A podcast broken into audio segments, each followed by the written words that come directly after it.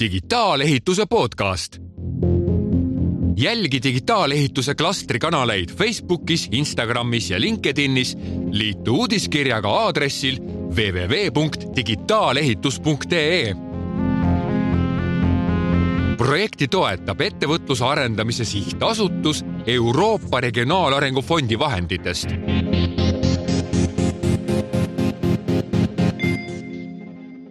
Head kuulajad, tere tulemast jälle digitaalehituse podcasti. mina olen Jaan Saar kliimaministeeriumist, digitaalehituse valdkonnajuht ja minul on au juhtida seda toredat podcast'ide seeriat, mida korraldab äh, digitaalehituse klaster ja meil on eetris täna juba neljas saade, nagu mulle siin äh, sõbrad kõrval meelde tuletasid. ja täna räägime me sellisest asjast nagu äh, startup'id ja ei kuskil mujal kui meie kallil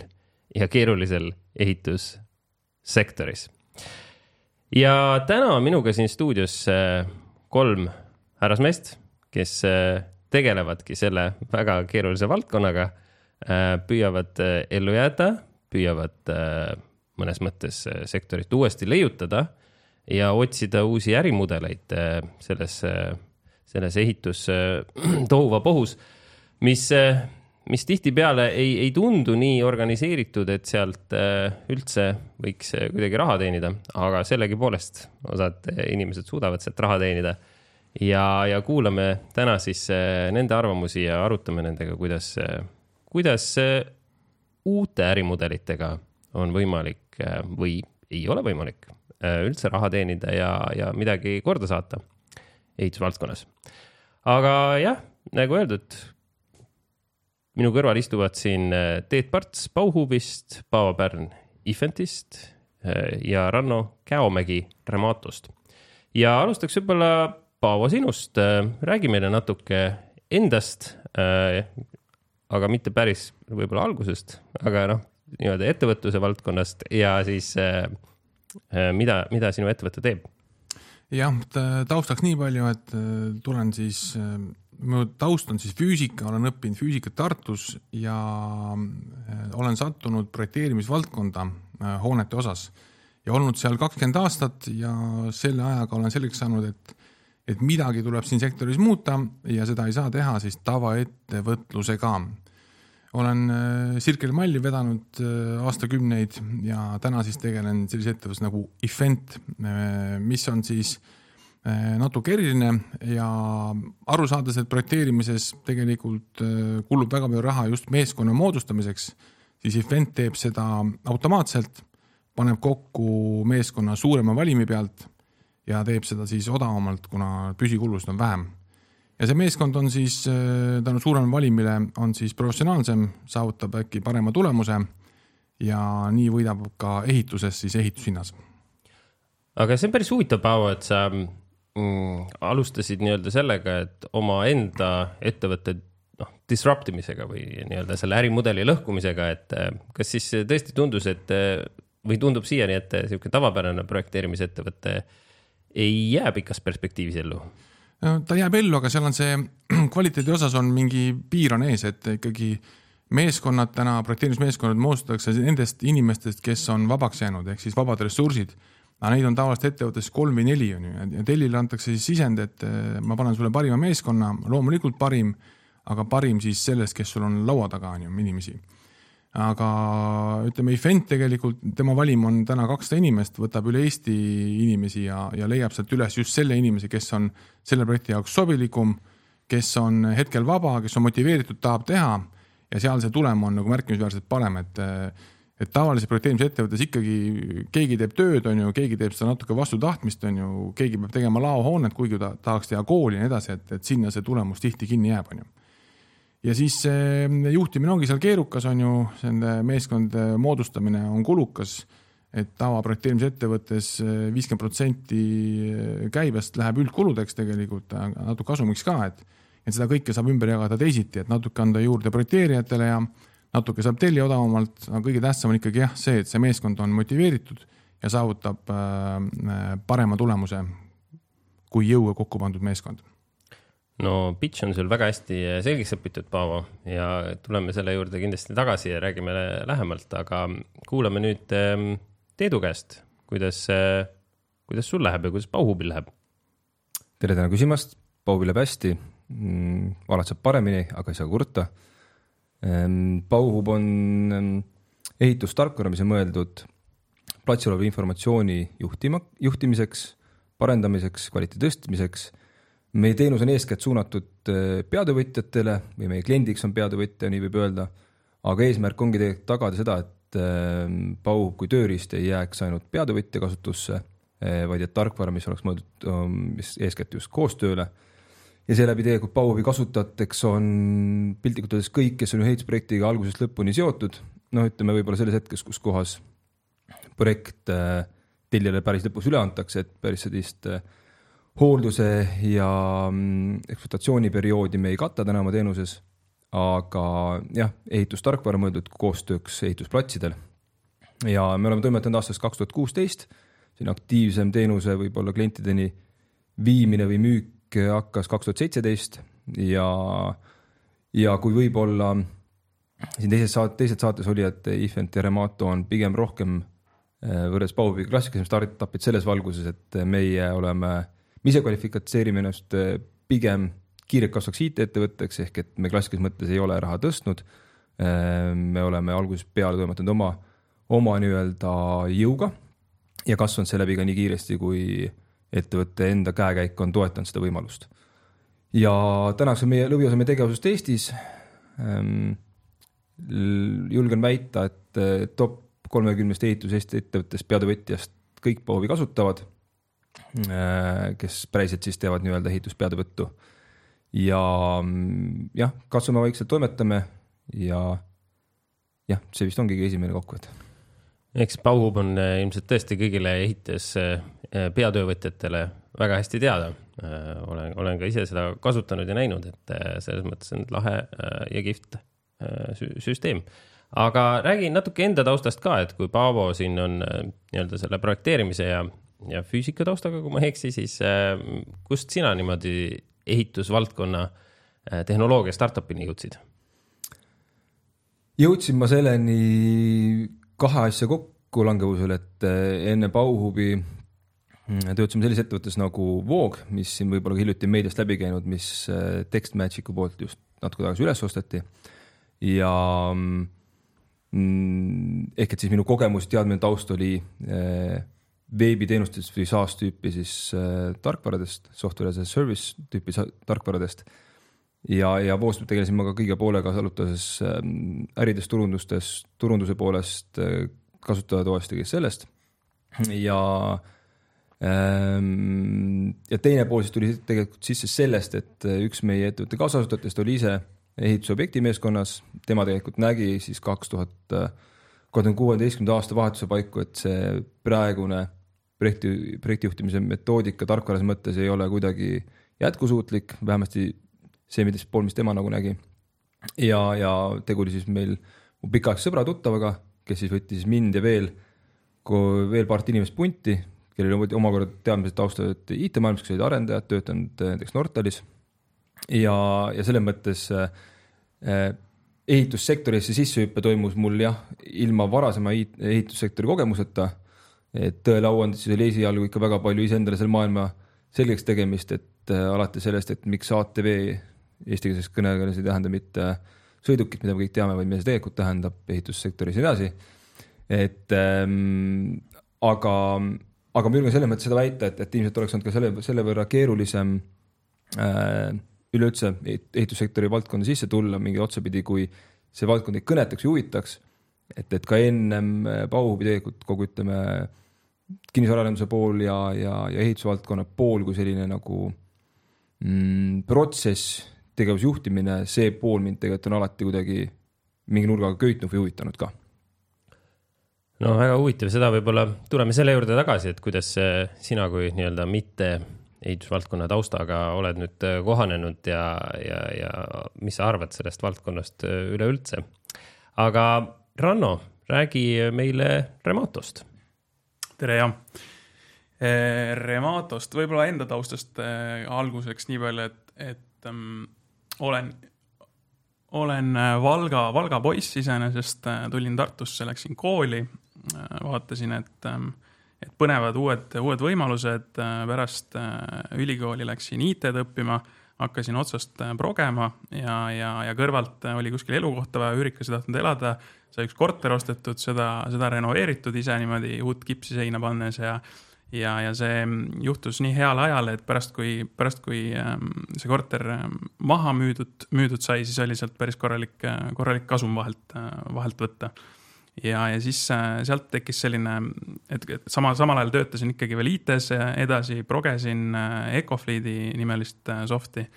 ja, ja siis tegin, üritasin ikkagi ise ka mingisugust SaaS-i, SaaS-i kogu aeg käima ajada, sest et, et tundus, tundus põnev, põnev ise mingit toodet teha. aga samal ajal ehituses ka kogu aeg mm, tegin, flip isin veel ühe korteri ja siis, siis hakkasin endale maja ehitama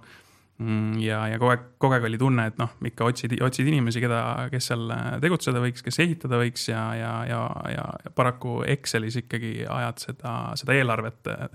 pead eelarvet Excelis ja, ja tundus, et, tundus, et see ei ole nagu jätkusuutlik ja see ei ole okei okay,, et, et see Excel, Excel kaob ära kogu aeg ja. ja siis mõtlesin, et panen, panen kaks probleemi kokku, probleemi ja, ja, ja oma skill'i kokku, tegin, tegin ühe soft'i Äh, leidsin, ähm, leidsin Toomase, kes, ähm, kes, äh, kes on müügi, kõva müügitaustaga, tema hakkas, tema hakkas siis Rematos selleks müügi, müügiohvitseriks ja, ja siis hakkasime, hakkasime koos Rematot ähm, tõukama. ja, ja Remato alltöövõtjale, alltöövõtjale siis äh, seesama soft, et, et oma seda meeskonna hallata, meeskonda, meeskonna tööarvestust, nende ressursside haldust, sellist tööriistahaldust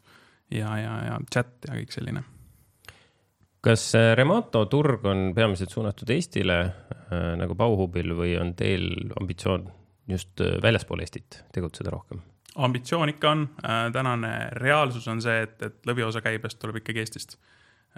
Eesti, Eesti alltöövõtjad oleme üritanud UK-s, UK-s selgus, et, et ei ei ole sellisel, konkreetselt sellel tootel ei ole sellisel kujul turgu, et, et Eestis on tööaja arvestusteema, on vaja tunni, tunni täpsusega, minuti täpsusega arvestada, kes, kes millal tuli ja läks. Eh, UK-s pärast pikka proovimist selgus, et eh, seal on päevapõhine arvestus, et olid täna kohal, siis, siis läheb päev kirja ja, ja on, on hästi. aga kuidas sa kokku võtaksid selle nii-öelda skaleerimise väljaspoole Eestit, et eh, noh, eks iga startup, kes Eestis alustab, et eh, selleks, et eh, kunagi nii-öelda selleks ükssarvikuks või unicorn'iks jõuda, et ega selle Eesti turuga seda mitte mingi valemiga ei saavuta, et meid on siin selleks lihtsalt liiga vähe, et üks koma kolm midagi miljonit, et kui igaüks sada, saja euro eest ostab, et noh, siis ikka ei tule seda unicorn'i välja, et, et väga keeruline on. aga kuidas siis just välisturgudel, mis, mis teie Rematos olete näinud, on, on kõige keerulisem? on see müük või on see turundus või on see toote kohandamine mm,? skaleerimine jaa, raske äh,, raske, sest et äh, see siht äh,, see ostja on, on, on ikkagi konservatiivne, konservatiivne inimene üldiselt ja ta, ta, nad on, päris palju on selles sihtturus sellist ähm, Äh, siis vanema generatsiooni esindajaid, kes vanasti ehitasid äh, oluliselt väiksemaid projekte, oluliselt rohkem oli aega ja nad, nad siiamaani väga, väga digisse ei usu, et äh, et, et nad ei, väga ei käi Facebookis, ei vaata seal reklaame, ei otsi Google'ist endale lahendusi, nad lihtsalt, lihtsalt toimetavad, noh, eks tuleb nagu õnneks nooremat generatsiooni peale, aga aga, aga skaleerida on raske, müük on raske,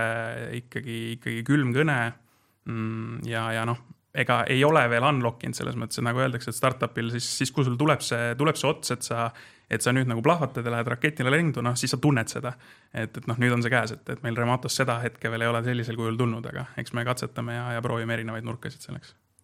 no üsna noor ettevõte ja aega on veel, nii et äh, jõu-, jõuab startida ja õhku tõusta aga see, mis sa mainisid just seda, et noh, et ehitussektor, et seal ongi äh, väga nagu traditsioonides kinni ja, ja väga palju räägitakse sellest, et äh, meie sektoris on vähem innovatsiooni kui teistes sektorites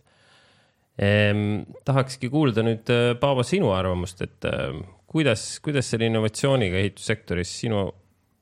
hinnangul on, et äh, ma võib-olla oma arvamuse jätan veel praegu äh, taustale jah, ma olen seda hinnangu andmist kuulnud palju ja tundnud ennast puudutatuna, et kas tõesti meie sektor siis on nagu teistmoodi inimesed, et tahame vanamoeliselt teha, aga aga leidsin ruttu ka vabanduse, et ilmselt see meie, meie sektoris peavad asjad päriselt valmis saama, et et kipsplaat peab seina jõudma ja toru samuti ja, ja kõik ehitused on unikaalsed, et seda on nagu raske standardiseerida, nii et noh, et et kui no kõige ehedam näide on see, et autotööstuses on ju, et, et iga rikas sõidab S-klassi Mersuga, kõik autod on ühesugused, tulevad liini pealt, on ju. millegipärast sellele samale rikkale ei sobi nagu samasuguses majas elada, kui naaber elab, on ju, et see nagu ei lähe mitte, on ju, et et ja hoone on ikkagi nii kompleksne ja keerukas, et seda on nagu raske üleöö muuta automaatselt ehitatavaks ja kõik muu sinna juurde. aga siiski areng on olnud minu meelest tohutu, kasvõi vaadata projekteerimist ja vaadata, mis tarkvarad on kasutusel ja kui palju nad teevad projekteerija elu lihtsamaks, on ju, siis see on ikkagi märkimisväärne, seda lihtsalt ei, nagu ei märgata, on ju. ja eks tasakesi tuleb, aga noh, ma ütlen jah, see sektor on natuke keerulisem võib-olla kui, kui tavaline võib-olla IT-sektor on ju Teet, siit olekski jälle hea tulla tagasi sinu juurde ja sina kui IT-sektorist otse tulnuna, äh, vaadanud võib-olla natuke välise pilguga ehitussektorit, kus väidetavalt ei ole innovatsiooni, kus kõik käib nagu sada aastat tagasi Äh, tootlikkus on madal. Ähm, mis mulje sulle nii-öelda sektorist laiemalt on siis jäänud? ma arvan, et see digitaliseerituse vähe, vähesus ei ole või noh, ma saan aru, et seda mõõdetakse ja selle nagu andmestik selle kohta, kus mõõdetakse, on ju ometi nagu tõeväärne, aga minu arust see vähene digitaliseeritus peegeldub natuke teises kohas. et kui me vaatame mm,, kui sa lähed erinevate ehitusettevõtte või ehitusega seotud osapoolte juurde, nende enda protsess sisse, siis seal tegelikult võib vaadata vastu väga tugev digitaliseeritus. et ähm, alates noh, ma ei tea, meil on näide, aga projekteerimisettevõttes või arhitektuuribüroodes on tihtipeale arvutikasutuse oskus kui mitte parem ja, ja, ja, ja tugevam kui mõnes IT-sektori ettevõttes on ju, noh, selles mõttes ma pean silmas, et mingi tugiteenus ja kõik see osa on ju, et et tegelikult see ei ole kuidagi halb, halvas minu arust nagu olukorras ei ole see sektor ise. ma arvan, et see vähene digitaliseeritus peegeldub kahes kohas väga tugevalt on need kohad, kus ettevõtted peavad omavahel koostööd tegema. ehk et selles valguses, et pole vahet, mis tööriistast me siin räägime või mis, mis osa teenusest või mis osa projektist, aga ettevõtted elavad igaüks oma kinnises maailmas natukene ja sel hetkel, kui nad peavad hakkama omavahel suhtlema, siis seal tekib see koht, kus kohas tekib minu arust eh, kahepoolne nii-öelda või kaheosaline konflikt. natuke proovitakse hoida justkui oma intellektuaalset nagu mingisugust saavutust, et oi, meie oma ettevõttes teeme neid asju nii hästi, et me ei taha teistele reeta seda ja me seetõttu tekitame teatud kapsli enda ümber. et eh, noh, kui ma siis ütlen näiteks, et eh, ühes ettevõttes kasutatakse projekteerimises eh, kindlaid näiteks skripte, mis on kellegi oma käsure valmis kirjutanud ja neid jumala eest ei saa ega taheta jagada kellelegi väljapoole, on ju. et see ei ole igas ettevõttes niimoodi, ma ei tee mingit üldistust tohutult, aga, aga noh, ma olen seda ise omalt poolt näinud ja kuulnud. ja, ja teiselt poolt on see konflikt ka, et, et kui siis nüüd üks ettevõte on ühes digitaalses keskkonnas või digitaalses harjumuspärases teine ettevõte, kellega peavad koostööd tegema teises, siis ei leita jõudu, et need asjad omavahel kokku panna ja sild üle, ületada. Ja lõpuks jõuabki kokku see, et mida noh, täna jumal tänatud on nagu vähem, aga kui me hakkasime Pauvi tegema kaks tuhat kuusteist, seitseteist, siis me nägime seda lademetes, kus kohas ühel ettevõttel on omal IT-lahendused ja tarkvarad olemas, teisel omad lahendused, aga kui nad sama laua taha kokku tulevad, siis seda käsitletakse justkui ikkagi äh, mitte digitaalset lahendust, et piltlikult öeldes mudelist tehtud eh, joonist piirdatakse paberile, on ju, noh, kõige banaalsem näide, istuks koos laua taga. Et ei, ei raatsita näidata üksteisele või mõelda välja, et kuidas me nüüd saaksime seda koostööd võimendada. ja, ja nagu, nagu Paavo ütles ka ainult, et eh, hea nagu näite, et maja ehitamine on unikaalne, et see ei ole nagu eh, enamasti liinitöö ja selles liinitöö eeliseks on see, et see kõik liin on ühes majas sees. nüüd ehituses, kui meil igaüks tuleb väljaspoolt ja, või et kokku kümme osapoolt tegeleb ühe projektiga, siis ongi palju loota või eeldada, et neil kõigil täpselt ühesugused tööriistad, harjumused, protsessid ja kõik see osa siis kokku äh, kattub. ja ma arvan, et tehnoloogiatega on võimalik seda parandada, kogu seda protsessindust. kindlasti seal on raskusi ja, ja asju, millest tuleb veel pikemalt üle minna ja, ja millega on keerulisem tegeleda. aga tõsi ta on jah, et, et kui kümme ehit-, kümme ehitusega seotud osapoolt või ettevõtet teeksid sada ühesugust ühikut maja iga päev, siis seda on võimalik tegelikult eh, ka nii-öelda eh, ühtseks teha, seda on võimalik siis protsessis kiirendada ja noh, Eestis on ka näiteid mingi Harmet, kes teeb neid eh, enda vannide mooduleid, on ju, või üldse teeb Harmet erinevaid siis moodul-asju ja, ja meil on tegelikult moodul niisuguseid tootmise ettevõtteid olemas juba ja nemad suudavad, on ju, toota mingitele klientidele sadade ühikute kaupa ühesugust. meie Eestis näeme seda vähem, see läheb tihti veel ekspordiks aga see ei tähenda seda, et seda tegelikult pole võimalik saavutada. ent ometi jah, me kõik nagu Paavo ütles, et iga S-klassi küttev härra ei taha elada samasuguses majas või korteris, et seal on nii paratamatult inimlik faktor vahel veel omakorda minu arust väga hästi äh, välja toodud äh, just see koostöö aspekt, et seda me oleme siin varasemates podcast ides äh, ka praktiliselt igas saates arutanud ja, ja ka alustasime digitaalehituse defineerimisel. ja jõudsime selleni, et see paljuski seisnebki just nagu koostööl ja omavahelisel suhtlusel.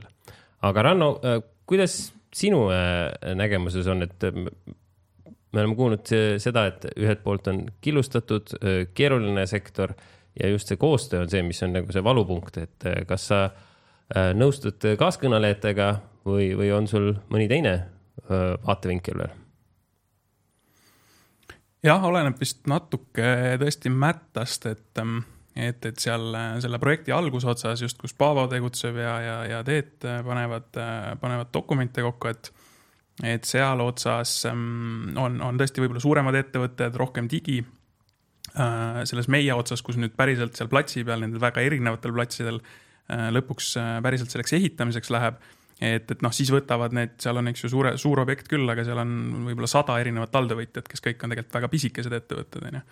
ja need ähm, noh, et seal see koostöö, ütleme meie tarkvara mõttes muidugi meie hetkel tegeleme küll nende kõikidega nagu väga individuaalselt, et neil on, kuidas nende enda ettevõtte siseselt see, see, see info liikuma saada Äh, aga, aga koostöö, koostöö selles mõttes küll, et, et, et eks kõik, kõik on huvitatud, et need nagu peatöövõtjad tahavad, et, et info liiguks ikkagi pea, alltöövõtjatelt äh, ka nende juurde rohkem, et. et, et meil selles mõttes tõesti see koostöö on. Aga ütleme nende platsi, platsil päriselt tööd tegevate meestega ja naistega, et äh, kuidas neil selle digi ja arvuti ja nutioskusega on, et teie lahendustega, ma saan aru, saavad hakkama kõik saavad hakkama, aga challenge on olnud suur. ma olen, mina olen tähele pannud, et kui platsimehel õpetad kasutama arvutit, on ju, noh, või tahvlit, on ju, siis ta varsti ütleb, et ma tahaks kas palka juurde või tegelikult oleks mul ühte töömeest siia alla vaja, on ju, kellele siis ma ütlen, kuidas ehitada. Ja niisugune, võtad uue töömehe sinna, õpetad talle arvutit, selleks on jälle ühte töömeest vaja, kes nagu päriselt kruvi seina keerab, on ju, et et see taandub ikka lõpuks selleni, et see kruvi peab sinna seina saama, on ju, ja see, kes oskab tahvlit kasutada, see ütleb, et mina enam ei keera, vaata, ma olen juba nagu pool IT-mees, on ju noh. Kas lahendus oleks siis hoopis äh, robotid, masinad panna neid äh, kruve keerama ja siis inimesed jäävadki tahvlite taha ja ütlevad no,, et nemad seda ei tee. ja täitsa vastab tõele, ma nüüd on selle puidusektoris on hea näide vist, ekspo ekspordiga on praegu keerulised ajad ja, ja ma olen alati mõelnud, et, et siin oli ka Eesti soov, et automatiseerime oma tehased ära, on ju, et siis on inimtööjõudu vähem vaja, palk on nagu nii kõrge, sellega nagu ei suuda eksporti teha samas Norra poolt vaadates või Soome poolt vaadates küsitakse, et kui te oma tehasele ostate Saksa tehnoloogia sisse, on ju, inimesel ei tööta, on ju. me võime ka osta selle ju, et milleks siis see transport. Et puit ei tule Eestist, on ju, tehnoloogia tuleb Saksamaalt, et me võime selle ise selle tehase teha siia Norra või Rootsi, on ju. ja siis kaob jälle see nagu jume ära, et, et ikkagi täna ehitussektor ikkagi veel otsib tootmise koha pealt ikkagi odavat tööjõudu, et, et sealt tulebki see efekt või kasum, on ju, et noh. ma võib-olla niivõrd lisan ka sellele mõttele juurde, et ma olen nõus sellega kindlasti, et äh, mida teadlikum ja haritum on äh, inimene igas oma tööalas, igas tööligus, vahepeal on see ehitus, ükstapuha mis ala, seda enam tal on, on rohkem tituleeritud või tundub tituleeritum kõrgemale tasule ja suurem väärtusele. ehk et see, mis nagu ees välja toodi, on ju, et mees õpib tahvlikasutuse ära, siis ta justkui ütleb, et tema enam seda kellut kätte ei võta. ent teistpidi ma arvan, see hoopis see Eesti näite puhul minu, mulle tundub, see probleem on natukene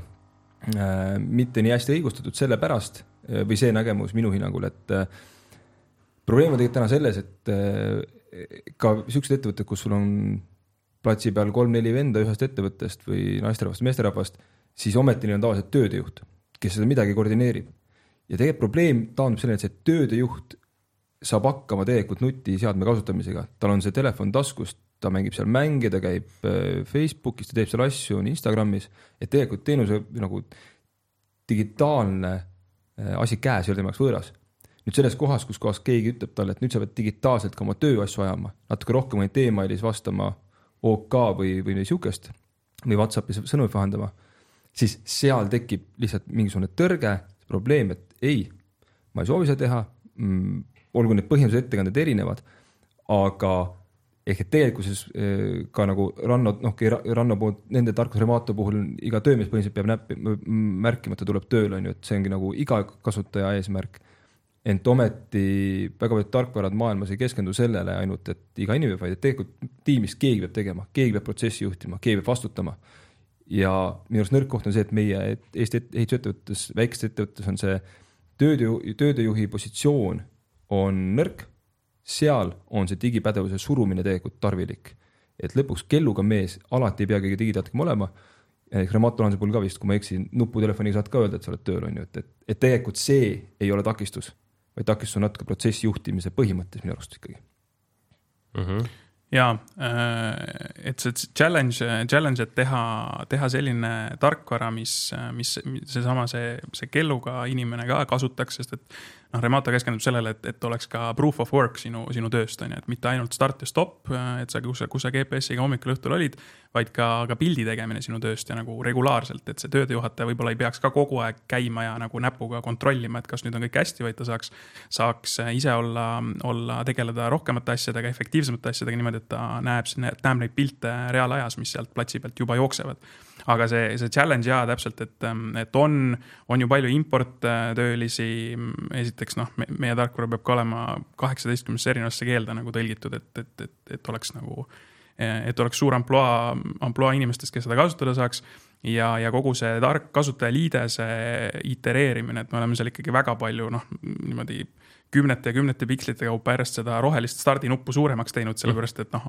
järjest tundub, et inimesed alguses ei saanud pihta ja siis neil olid ikkagi kindad käes, siis nad juba tahtsid kinnastega seda käima panna. et seda, seda, see kasutajaliidese disain peab olema, olema ka ikkagi suurepärane, et nendel inimestel ei tekiks kohe esimene selline okserefleks, et ma ei, ma ei taha seda kasutada, sest see on väga, väga vastik ja ebamugav, on ju. et, et kui see on mugavaks tehtud, siis, siis, siis neil, siis neil ka on, on huvi seda kasutada kusjuures see aja mõõtmine on nagu ühest küljest hea, aga noh, projekteerimise poole pealt on see näide jällegi, et inimesed nagu ma ei tea, kas muutuvad mugavaks, aga aga ise kannad normid ette, siis nad jälgivad norme tegelikult, aga see optimeerimine, efektiivsus kaob sealt tagant ära, on ju, et noh, et võin lauale panna kaks projekti, mis mõlemad vastavad nagu nõuetele, normidele, on ju, aga ühte on odavam ehitada, ma ei tea, kümme, kakskümmend protsenti kui teist, on ju. aga projekteerija justkui pole süüdi kummaski, on ju, et et mingis mõttes see aja mõõtmine on ohtlik, et peaks ikka tulemust mõõtma, on ju, et äh, kuidagi inimest motiveerida tegema head tulemust, on ju, see on ju hoopis teine teema juba.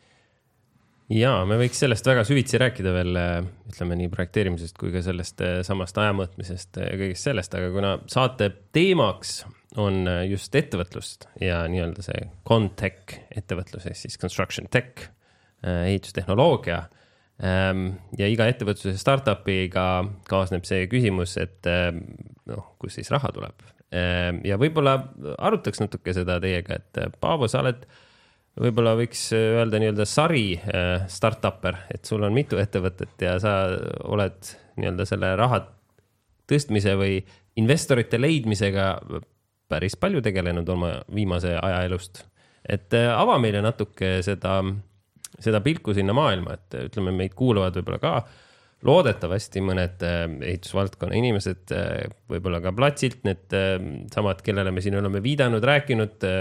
kes on õppinud iPad'i kasutama,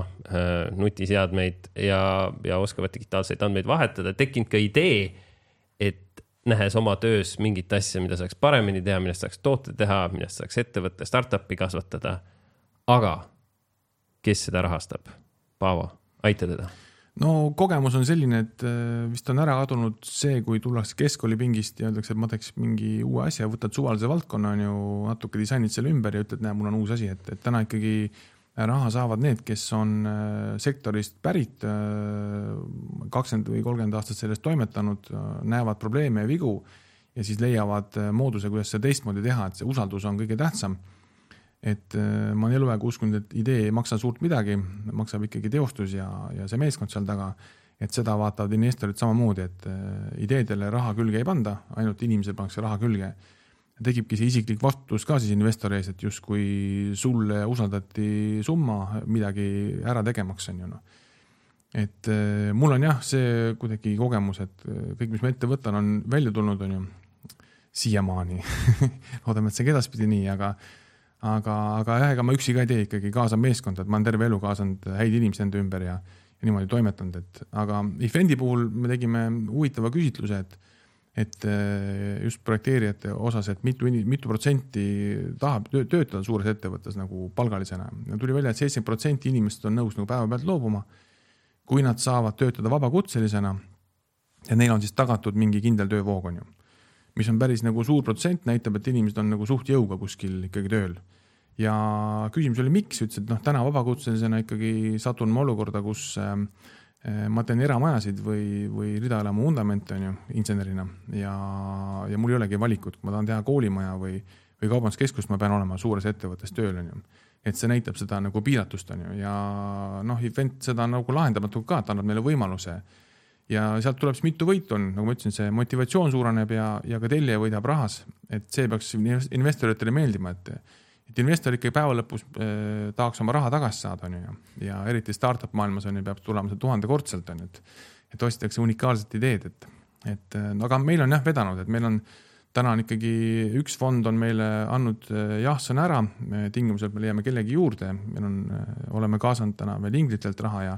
ja mõned inglid on siin rivis ja, ja kaks fondi on laua taga, kellega läbi räägime, et et loodame, et saame raha kaasatud, et see annaks meile hoopis teise tempo arengus kuigi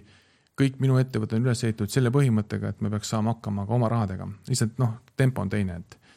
et kas sõidad rattaga või saavad mootori peale, on ju, ongi see vahe, aga kohale jõuad nagunii mingi hetk, on ju. aga jah, see tempo on teine ja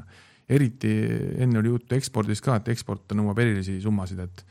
et eksporti pole mõtet minna tegema, et ma olen proovinud, et seal on vaja ikkagi minna jõuga peale ja kindla eelarvega ja, ja kõvasti raha matta sinna et siis ikkagi eh, inimesed on need, keda investorid vaatavad ja, ja nende kogemus ja, ja teadmine nagu süvitsi sektorist. jah, meil oli üks, üks investor isegi ütles, et äh, vaatas meie pitch deck'i, ütles, et kõik on hästi, et äh, aga Paavo, muuda see ära niimoodi, et et too need inimesed nagu teiseks slaidiks, nende kogemus ja siis kõik muu jäta nagu lõppu, et et inimesed on lõpus, et keegi ei saa aru, et annan raha või ei anna, et, et see ütleb kõik ära, on ju, kui keegi on tegelenud sektoris kümme, kakskümmend aastat ja julgeb näiteks enda ettevõttele selja keerata ja teha midagi uut ja teistmoodi ja paremini, on ju, see ütleb nagu kõik ära selle usu kohta, et, et too see ettepoole, et seda me ka tegime. Teet, Bauhub on ilmselt siin laua taga kõige sihuke äh, juba vanem ettevõte nii-öelda. Äh, kuidas teil nende investorite leidmisega või kuidas selle ettevõtte käima saamisega läks ja, ja kuidas praegu läheb või plaanite? jah, nii nagu ma vist alguses ka mainisin, et me oleme võrreldes äh, Remato Ifentiga natukene teises positsioonis selles valguses, et me ei ole kunagi raha ise kaasanud. ja me ei ole tegelikult teadlikult raha kaasamisega tegelenud. ettevõtte asusta-, asutamise hetkel oli meie nii-öelda otsus, et me püüame esimesel hetkel oma äh, siis asutajate rahakoti pealt seda edasi sõita, noh, tõsi, üks asutaja tuli ka nagu äh, teistega teatava investeeringu sisse, aga selles mõttes, et see oli tegevasutaja, kes nii-öelda ei, ei kvalifitseeru kui investor klassikalises mõttes. ja, ja eks meie väike õnn oli ka kindlasti selles, et me saime äh, ühe ettevõtte põhimõtteliselt endale, no mitte esimesest päevast, aga nii-öelda kolmandast päevast äh, inimese kliendiks, kelle esimene võib-olla tasu aitas ka esimesed sammud ära teha, et tihtipeale paljudel startup idel klassikalises mõttes ei ole seda nii-öelda ka päris esimest klienti, kes, kes ütleb pimesi, et jah, me oleme nõus teisse nagu teie käest teenust ostma. et kindlasti selles mõttes see meid oluliselt aitas äh, ja, ja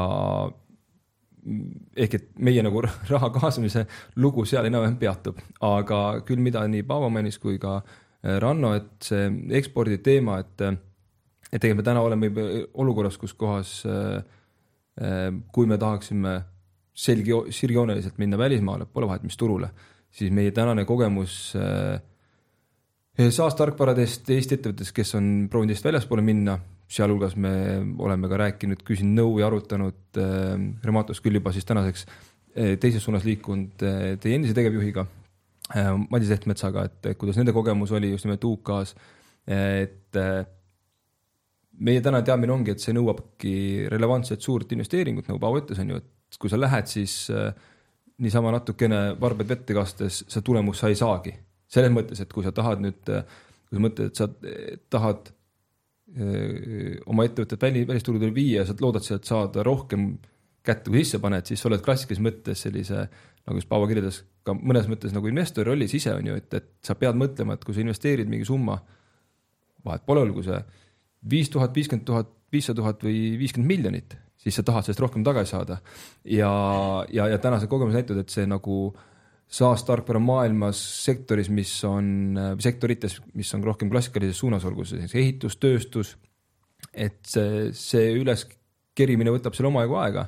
et Eestis üks väheseid ettevõtteid startup'i mõttes äh,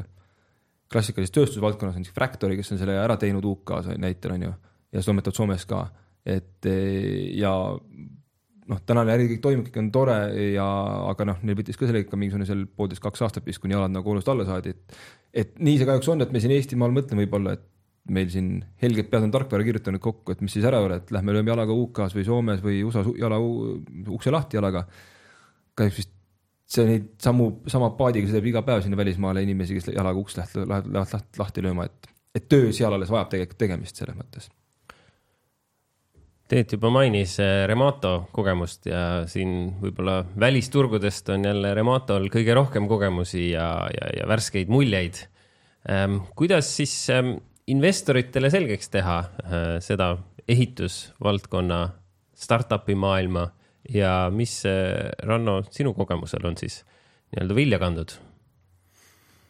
ähm,? Noh, meie muidugi investeerimised jäävad nüüd juba niimoodi natukene minevikku, et, et vahepeal on igasuguseid sündmuseid, mis, mis on keeranud siin kõike seda maailma pea peale ja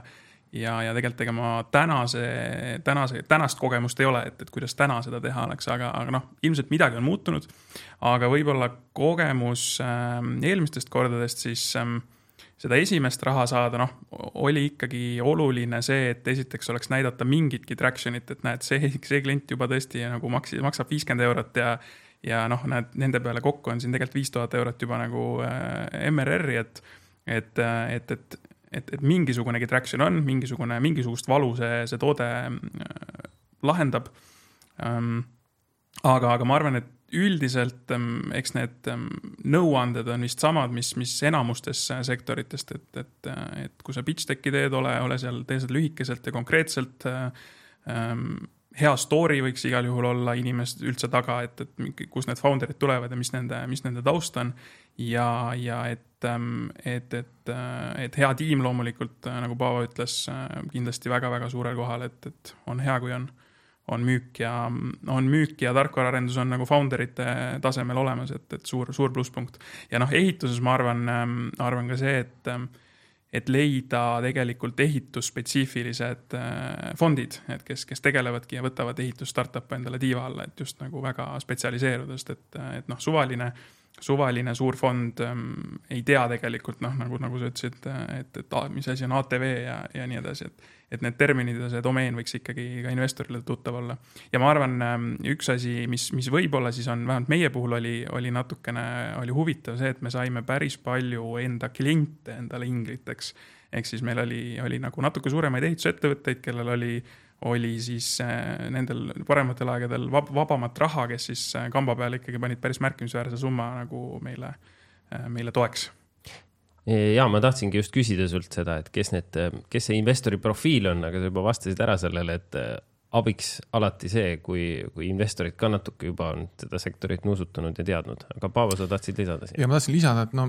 Event on otsinud teadlikult äh, esimesi ingleid just äh, tegelikult sektoripõhiselt, et inimesed saaks aru ja suudaks panustada ka, on ju, et, et väljaspoolt raha kaasamine on võib-olla isegi natuke lihtsam, inimestel raha on, aga just sektoripõhiselt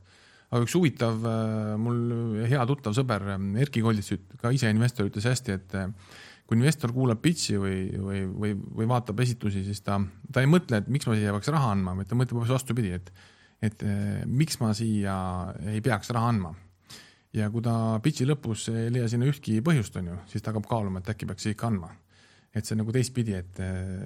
nad tegelikult nagu on kogu aeg nagu Äh, sellised, sellised mängus, et ma ei taha siia raha anda, onju. ja kui ta ei leia seda pointi, siis ma, okei okay,, ma siis annan, onju.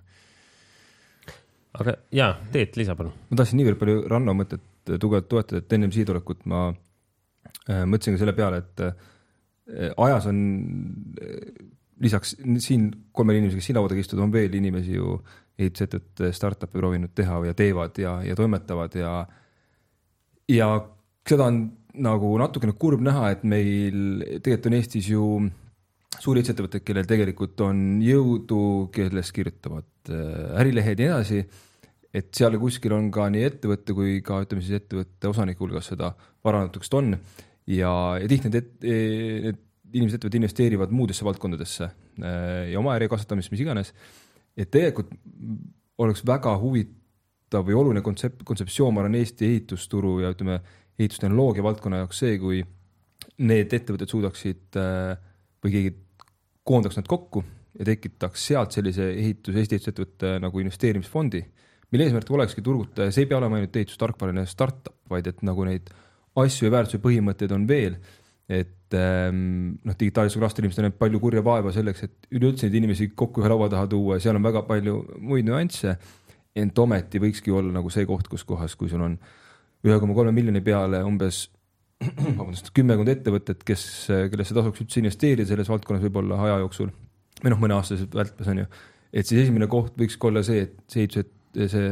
IT-ettevõte peab jalad selga ja läheb selle organisatsiooni juurde, selle investorite pundi juurde, kellele kõige südamelähedasem peaks olema. ja kui see asi tegelikult tõuseb lendu, siis see ei ole nagu lihtsalt niisugune metseenlus või nagu heategevus, vaid see ongi äritegevus samamoodi et ükski teine investor, fond ei tee sedasama pulli pärast või heategevust, et kõik tahavad sellega ka teenida aga, ja noh, ma lihtsalt mainin, näiteks Eestis ongi ju minu, minu enda teadaolevalt on näiteks äh, ainult Kaamuse grupi juures on üks eraldi nagu nii-öelda divisjon, kuhu on võimalik pöörduda. ent, ent ometi Kaamus ei ole ju ka tegelikult kõige suurem ehitusettevõte Eestis on ju, et, et ma arvan, et siin on ehitusettevõtetel ja, ja nende äriarenduse osakondadel ka hea koht peeglisse vaadata. Ja tervitused kõikidele meie klientidele, keda ma siin mainisin ma olen, ma olen paljudega rääkinud tõepoolest, aga kuidagi kõigil on niisugune emotsioon, et see on nagu võimatu, on ju, et, et ma ju tunnen sektorit ja ma tean sektorit, et eh, kõigil on mingi status quo tekkinud, kuidas see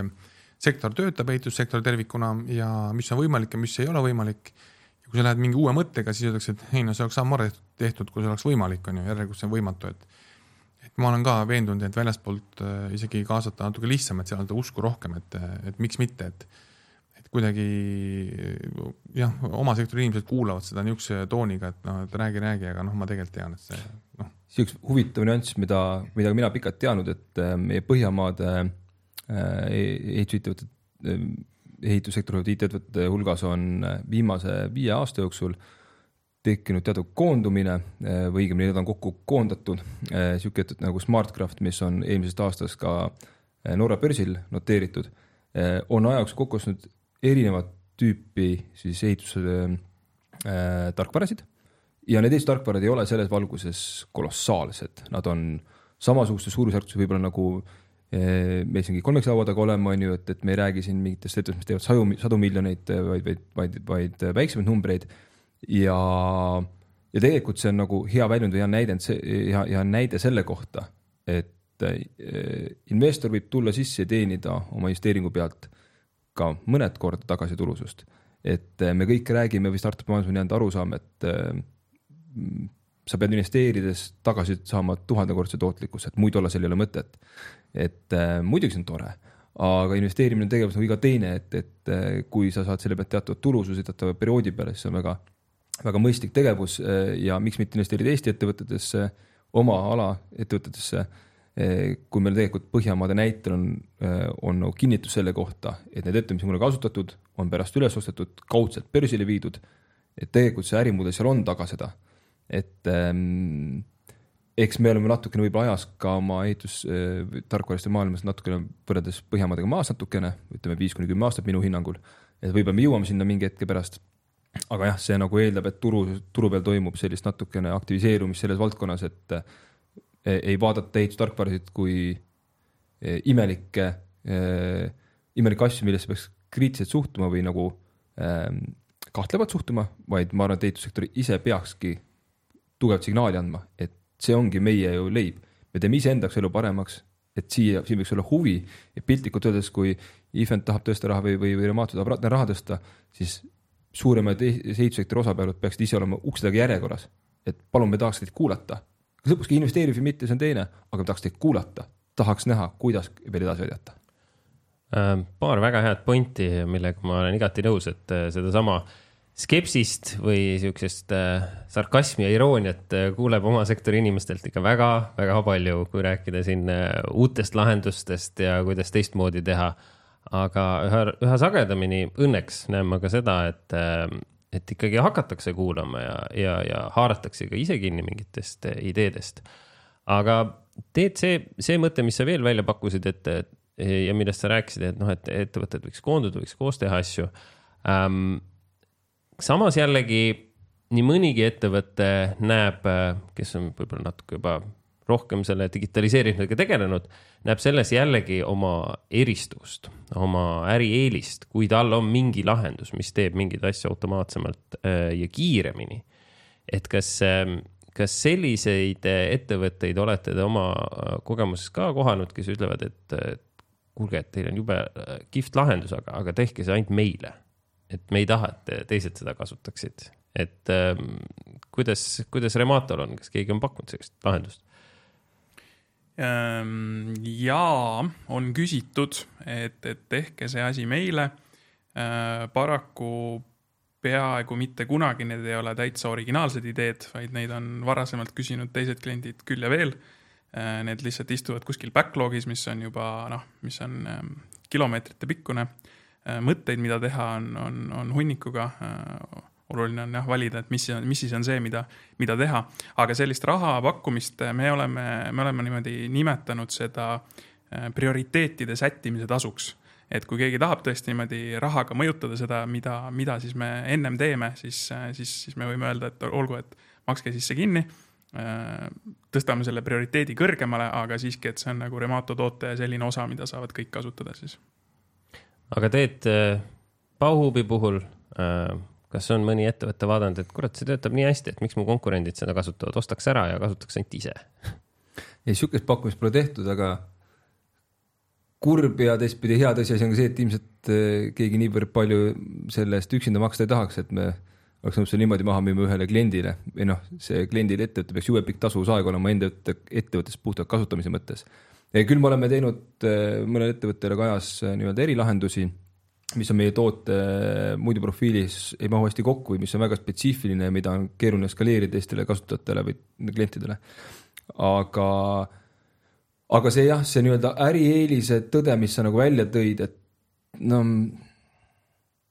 ma ei tea, ma ei ole, ma ei ole aru saanud sellest ähm, hirmust, sellest äh, sellisest äh, ehitus ja, ja, ja ma olen seda näinud siis nagu tänaseks ainult ehitussektori sees, kus keegi ütleb, et mul on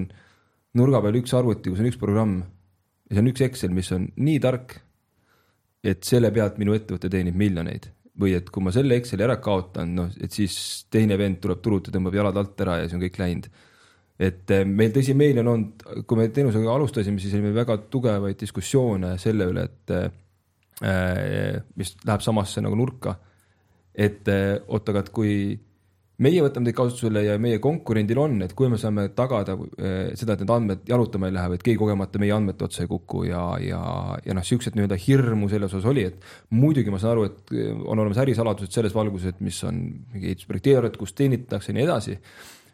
aga uskumus ja arusaam minu arust peaks tulema sellest, et ettevõte teenib sellepärast või ta on edukas ettevõte sellepärast, et ta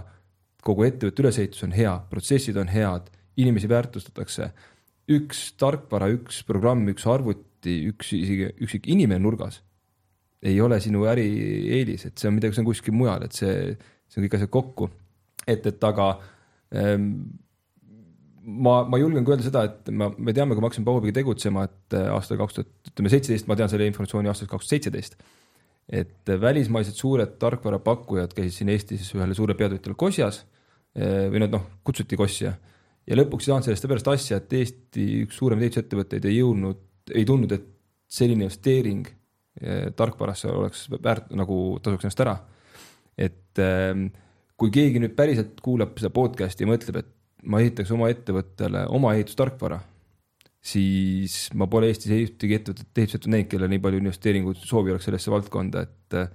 et nii see pärast, sellepärast ongi nii, et kasutatakse teenuseid tarkvara, mis on valmis, et mitte keegi pole valmis kinni maksma iseenda Excelit, ainult talle ehitatud Excelit mm. -hmm. hästi öeldud, aga korra tuleme tagasi mm, selle nii-öelda veel pikema või laiema perspektiivi poole, et, et kuhu võiks kasvada ja nagu sa Teet mainisid juba Soomet hea näitena ja Põhjamaad on üldse meil siin päris, päris muljetavaldavaid tulemusi teinud ka selles samas ehitustehnoloogia ja digilahenduste valdkonnas, noh, Soome ongi siin hea näide, projekteerimistarkvara Tekla, üle maailma tuntud, kõige suuremaid ja vingemaid raudbetoone ehitisi tehakse Teklas üle maailma äh,. Solibri, mis on siis BIM tarkvara koordineerimislahendus äh, äh, jällegi üle maailma väga palju kasutatud ja noh, müüdud juba suurematele äh, ettevõtetele ära, aga sisuliselt nagu noh, võiks ka öelda, et mõnes mõttes nagu ükssarvikud. Päris numbreid ma ei tea, ilmselt nad müüdi varem maha. aga Paavo, kas sa näed, et Eesti, Eesti ettevõtetest just ehitusvaldkonnas paistab siin kuskil äh, mõne ükssarviku kõrvad vaikselt? noh, kindlasti igaüks oma ettevõttesse usub, aga, aga räägime võib-olla laiemalt, et kas sa näed, et see üldse on võimalik Eestis? Eestis on sektoris üks unikaalsus on see, et me ikkagi ise ei taju seda, aga eestlane peab justkui kõike tegema, et eks, eks projekteerija peab suutma projekteerida nii eramaja kui ka kaubanduskeskust on ju, et, et et Saksa suures eh, projektbüroos ilmselt sa teed ühte lõiku, aru saamata üldse tervikust, on ju. Ja pluss projekteerija peab tajuma veel, kuidas ehitusprotsess käib ja nii edasi, on ju, samamoodi on ehitajatel, et ja meil selline suur tervikpildi taju on oluliselt parem, on ju, kui suurriikide eh, ehitussektori inimestel, et eh, siin võib see eelis olla, et me, me näeme selle terviku võlu ja, ja selle võimalusi. Eh, siin tuleb seesama IPD mängu jälle, et, et see suur võit tuleb ikka siis, kui tervikutükid töötavad koos, mitte et igat väikest tüksi, tükki ei üritaks äh, Eh, nagu optimeerida, vaid ikka tervikut on ju, et, et siit võib see tulla, aga, aga noh, Eesti ikkagi on nagu linna suurus, et, et oleks palju oodata. Aga Ranno, kuidas sulle tundub, eh, lisaks Rematole muidugi eh, või laiemalt, et kas on ruumi rohkematele ükssarvikutele ja,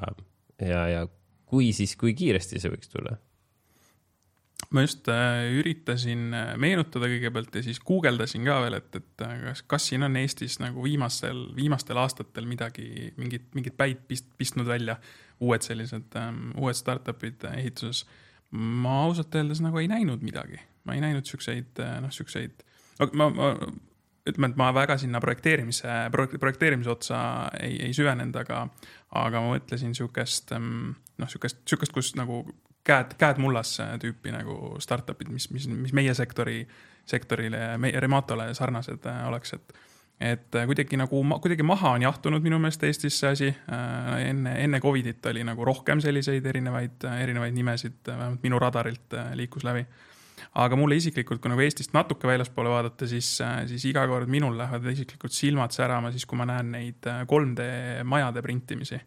et, et kui neid tänavaid korraga tehtakse, et minu meelest, ähm, et, et seal saab, seal saab itereerida küll palju-palju-palju, aga, aga, aga see võiks päris, päris põnev olla.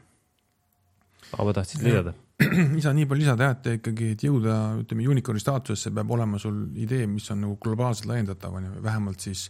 ühe kontinendi piiris. see ja ehitus on tegelikult äh, suht kohaspetsiifiline. et see tähendab, et sa pead lahendama nagu suht lihtsat probleemi mingis mõttes äh, ja arvestades Eesti võimekust, äh, noh, kuidagi natuke kahtlane, aga see peab olema jah, selline uni-, universaalsem teema natukene, ütleme. Ifendil äh, natuke seda lootust on, kuna projekteerimise valu, meeskonna moodustamise valu on nagu justkui igal pool täpselt samasugune, et äh, olen ju ise käinud ja näinud, et see meeskonna moodustamine on täpselt samamoodi, käib igal pool ja see tulemusega lihtsalt ollakse harjutatud, on ju. Aga, aga üsna raske on ja ma tean, et väga paljud suured ettevõtted ju ise ju, neil on oma inkubaatorid, kus nad testivad uusi lahendusi, et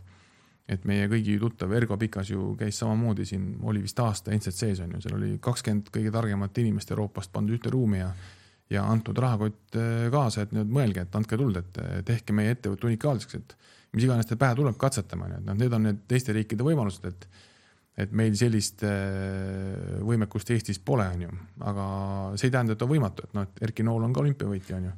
siit väiksest äh, Eestist, et kõik on võimalik tegelikult. Teet, kuidas sulle tundub, vaadates sedasama maastikku, et äh, võib-olla mõne natuke maha jahunud, aga samas ja, jahu, jahtunud aga, aga samas ma näen, et ikkagi on tekkinud juurde ettevõtteid nagu Verk näiteks, kes praegu kiirelt laieneb just tööjõu kaasamises, kasutades oma nii-öelda digilahendusi ja platvorme, aga, aga, aga jah, Teet, ükssarvikud Eestis ma olen personaalselt seda arvamusel lihtsalt, et, et ükssarviku või ühe miljardi väärtusega ettevõtte mõõtmised on üks nagu mõõdupuu. et kas ettevõte, mis on väärt üks koma üks miljardit, on parem spetsiifiliselt kui see, mis on üheksasada miljonit väärt. ehk et tegelikult ma arvan, võiksime, võiks vaadata hoopis nagu selle nurgalt, et kes suudab, kes on see ettevõte, kes suudab mingis valdkonnas midagi märgilist ära teha, et sa, Jaani, sa tõid välja on ju Tekla ja Solibri, et äh, ongi maagilised tööriistad. no lihtsalt vaatad sisse ja te, suu võib lahtu, et lahti, et mida tegelikult ühe tarkvaraga kõike on võimalik teha, on ju. väga kihvt, mina, kes ma ei ole projekteerimismaailmas ah,, ahetan iga kord, kui ma näen, kuidas mingeid suuri projekte nendes ähm, projekteerimistarkvarades nagu tehakse ja kuidas seda lahendatud on. nüüd, kui nad oleksid Eesti tarkvarad või kui nad oliks Soome tarkvarad ja müüdi maha kümme korda väiksema väärtuse pealt, see ei vähenda tarkvaralisest väärtust, see ei tähenda, kui tähtis ühe sektori jaoks on et ähm, tuues konkreetselt Bauhubi vaatevinklist mingi näite, et siin tänaseks siis, ma võin eksida, aga kolm aastat tagasi äkki või, müüdi maha niisugune suur ettevõte nagu Blankgrid müüdi Autodeskile maha ja see väärtus, millega müüdi, oli nibin-nabin oli miljardi. noh, ei saanud unicorniks, aga üks väga väheseid või üks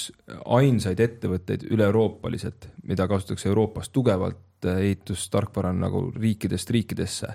et ähm, või noh, see nüüd ta on nagu Autodeski platvormi osa, aga tol hetkel eraldi tootena kasutati, on ju. et äh, mina pööraks rohkem tähelepanu sellele, kas suudaksime ehitussektorist luua äh, inglise keeles impactful ehk et nii-öelda mõjuvõimsaid või mõjukaid äh, tehnoloogiaettevõtteid, sest et see miljardi piir on Eesti näite puhul äh, väga natuke ebaaus, et selles valguses, et, et kui me räägime siin eh, tööstustarkvaradest või ütleme, tööstusele eh, mõeldud või äridele mõeldud tarkvaradest, siis me peame vaatama ühte asja, et eh, Eestist alustades, kui sa oled Eesti ettevõte me tahame öelda, et see oleks Eesti startup, siis siin me peaksime siin justkui jälgima seda reeglit, et meil on Eesti asutajad, meil on Eesti, alustab tegevust Eestis, ta on registreeritud Eesti kehana ja noh, me oleme siis, ma tean, et Remote on seda kogenud, on ju, et, et ma ei tea, kui Leafant seda kogenud on, aga kui sa tuled välisturule, siis enne kui sa välisturul eh, globaalset mõõdet saad võtta, pead sa tekitama arusaama turu jaoks, et sa oled kohalik, sa oled nende turul. sul on nende tiim, kohalik tiim, sul on nende keelt rääkida, nende kultuuri mõistev tiim. Nüüd, kui me tahame väga tugevasti seda ekspluateerida, et kiiresti ettevõte kasvaks Eestist pärit, kasvaks erinevate riikide, ütleme Euroopa näol, USA näol äh, suureks siis me peame loobuma natuke identiteedist, me peame olema nõus ütlema kuskil teisel pool kontingenti, et see ei ole Eesti nägu, vaid see on mingi muu nägu. ehk et me nii palju mängime häguselt selle piiriga, et mis on Eesti startup, mis ei ole. et ehm, see ei tähenda, seda võiks juhtuda, et seda võiks, peaks sihtima, aga ma ütlen, mina personaalselt arvan, et see vähemalt esisektori põhimõttel ei peaks see miljardi unicorn'i püüdmine olema investorite, founder ite vaatevinklist eesmärk iseeneses investorite jaoks on kindlasti oluline, aga ma olen nõus jah, et see latt on pandud nii kõrgele, et et meil on veel palju noori, andekaid või mis iganes ettevõtlikke inimesi, kes ütlevad, mul on idee teha saja miljoni ettevõte ja öeldakse, et sa oled läbi kukkunud, onju. Et eh, sellist ettevõtet pole küll kellelgi vaja, onju. või ma ei tea, mis see Merko turuväärtus tänapäeval on, nelisada miljonit onju, et noh, et ka nagu läbi kukkunud, et võiks tegelikult asjad kokku panna, et pole mõtet asju edasi ajada, et ei ole näha, et nagu on lähipäevil, et siin on miljardi lootust onju, et et see on jah, ebaõiglane hinnang, et eh, seda on palju, no Eesti on muidugi unikaalses positsioonis, et meil need miljardettevõtted on siin tekkinud päris palju, et kunagi isegi arvutasin, et Ameerikaga võrreldes vist tuhat korda rohkem, et justkui on punkt ma alati toon seda näidet, et kui, kui iga teine lotopileti võit on eh, pilet ostetud Paidest, on ju, siis rahvas hakkab Paidest piletit ostma, on ju, see on selge. ja Eesti on samasugune punkt, et, et meil ikka õnnestub seda raha siia kaasata väljastpoolt ka kuna investorid vaatavad, mis siin Eestis toimub, on ju, et, et väga palju unicorn'e tuleb, et ma tahaks raha siia panna, neil on mingi kogemus, on ju, mida teistel pole, on ju, et seda eelist peab ära kasutama, aga, aga, aga jah, sa ei saa, unistama peab suurelt, aga sa ei saa ehitada ka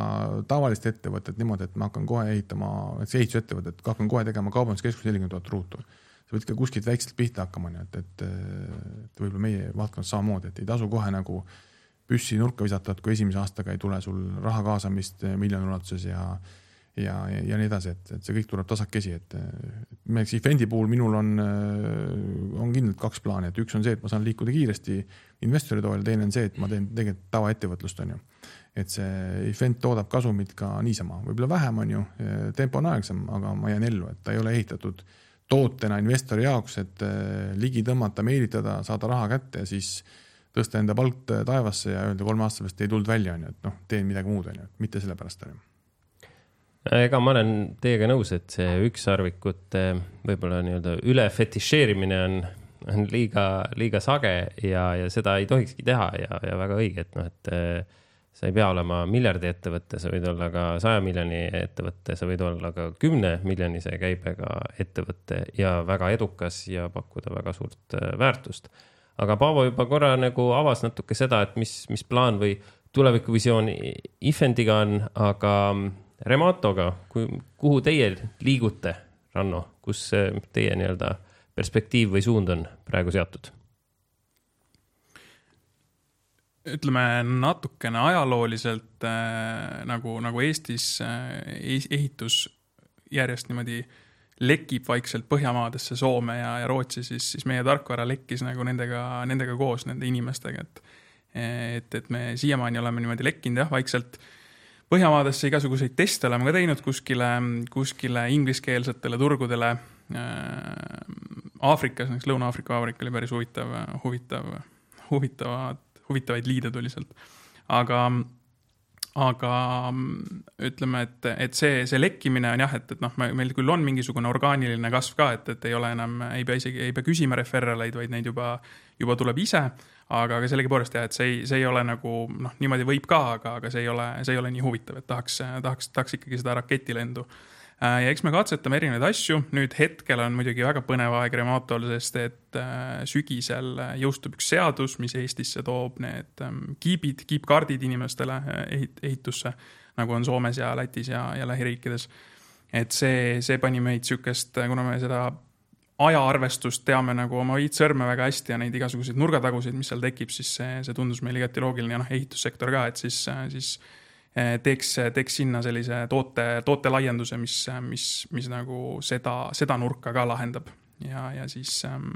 et see on nüüd natukene niimoodi peatöövõtja, peatöövõtja meeskonna halduseks siis, et, et noh, ta jääb ikka, ta on selline meeskonna, meeskonnahalduse asi ja, ja ehk, ehk nagu see nagu, nagu, ehm, nagu see kommunikatsiooni parendamine ka siis nüüd siis selle peatöövõtja ja alltöövõtja vahel, et äkki, äkki see on see võti, mis, mis, ähm, mida katsetada.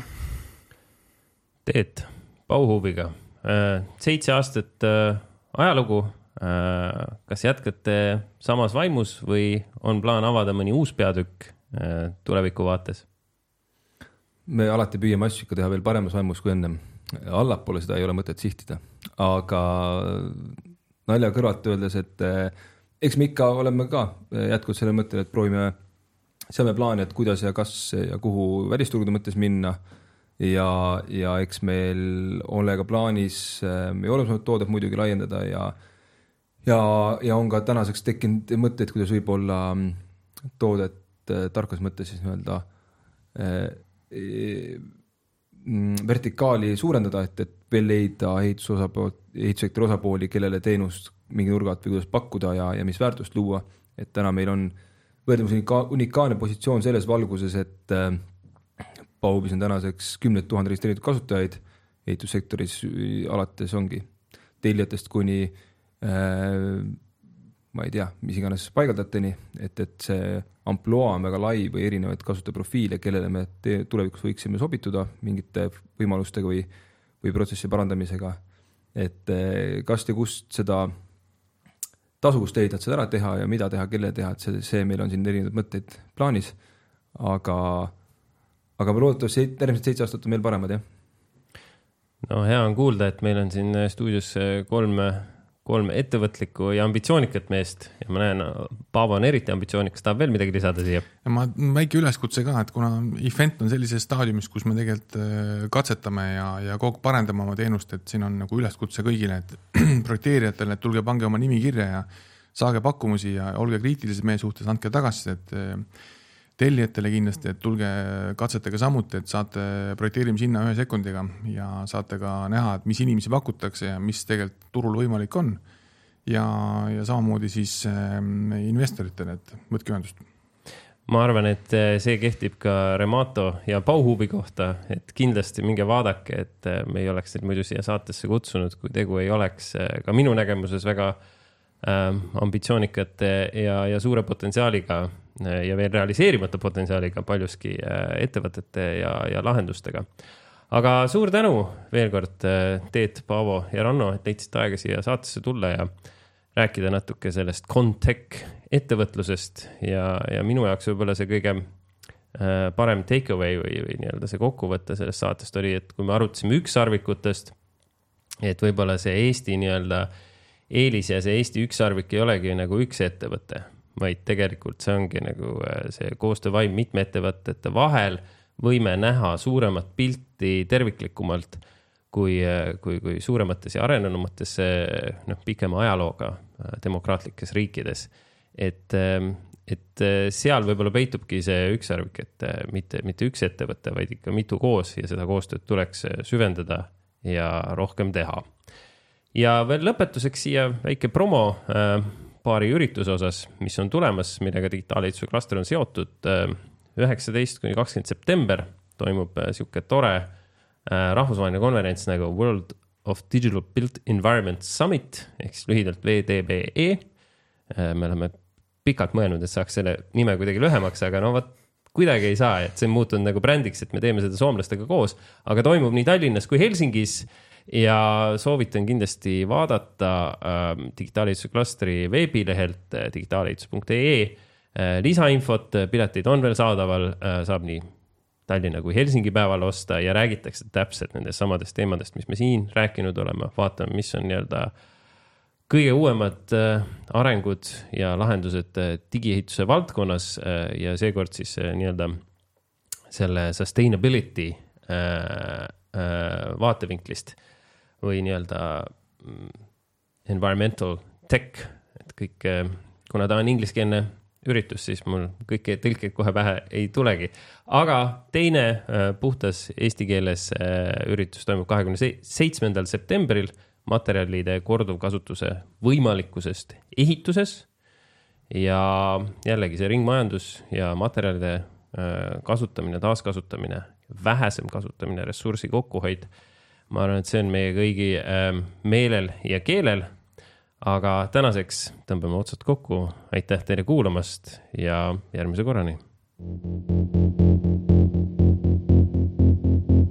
digitaalehituse podcast. jälgi digitaalehituse klastri kanaleid Facebookis, Instagramis ja LinkedInis. liitu uudiskirjaga aadressil www.digitaalehitus.ee projekti toetab Ettevõtluse Arendamise Sihtasutus Euroopa Regionaalarengu Fondi vahenditest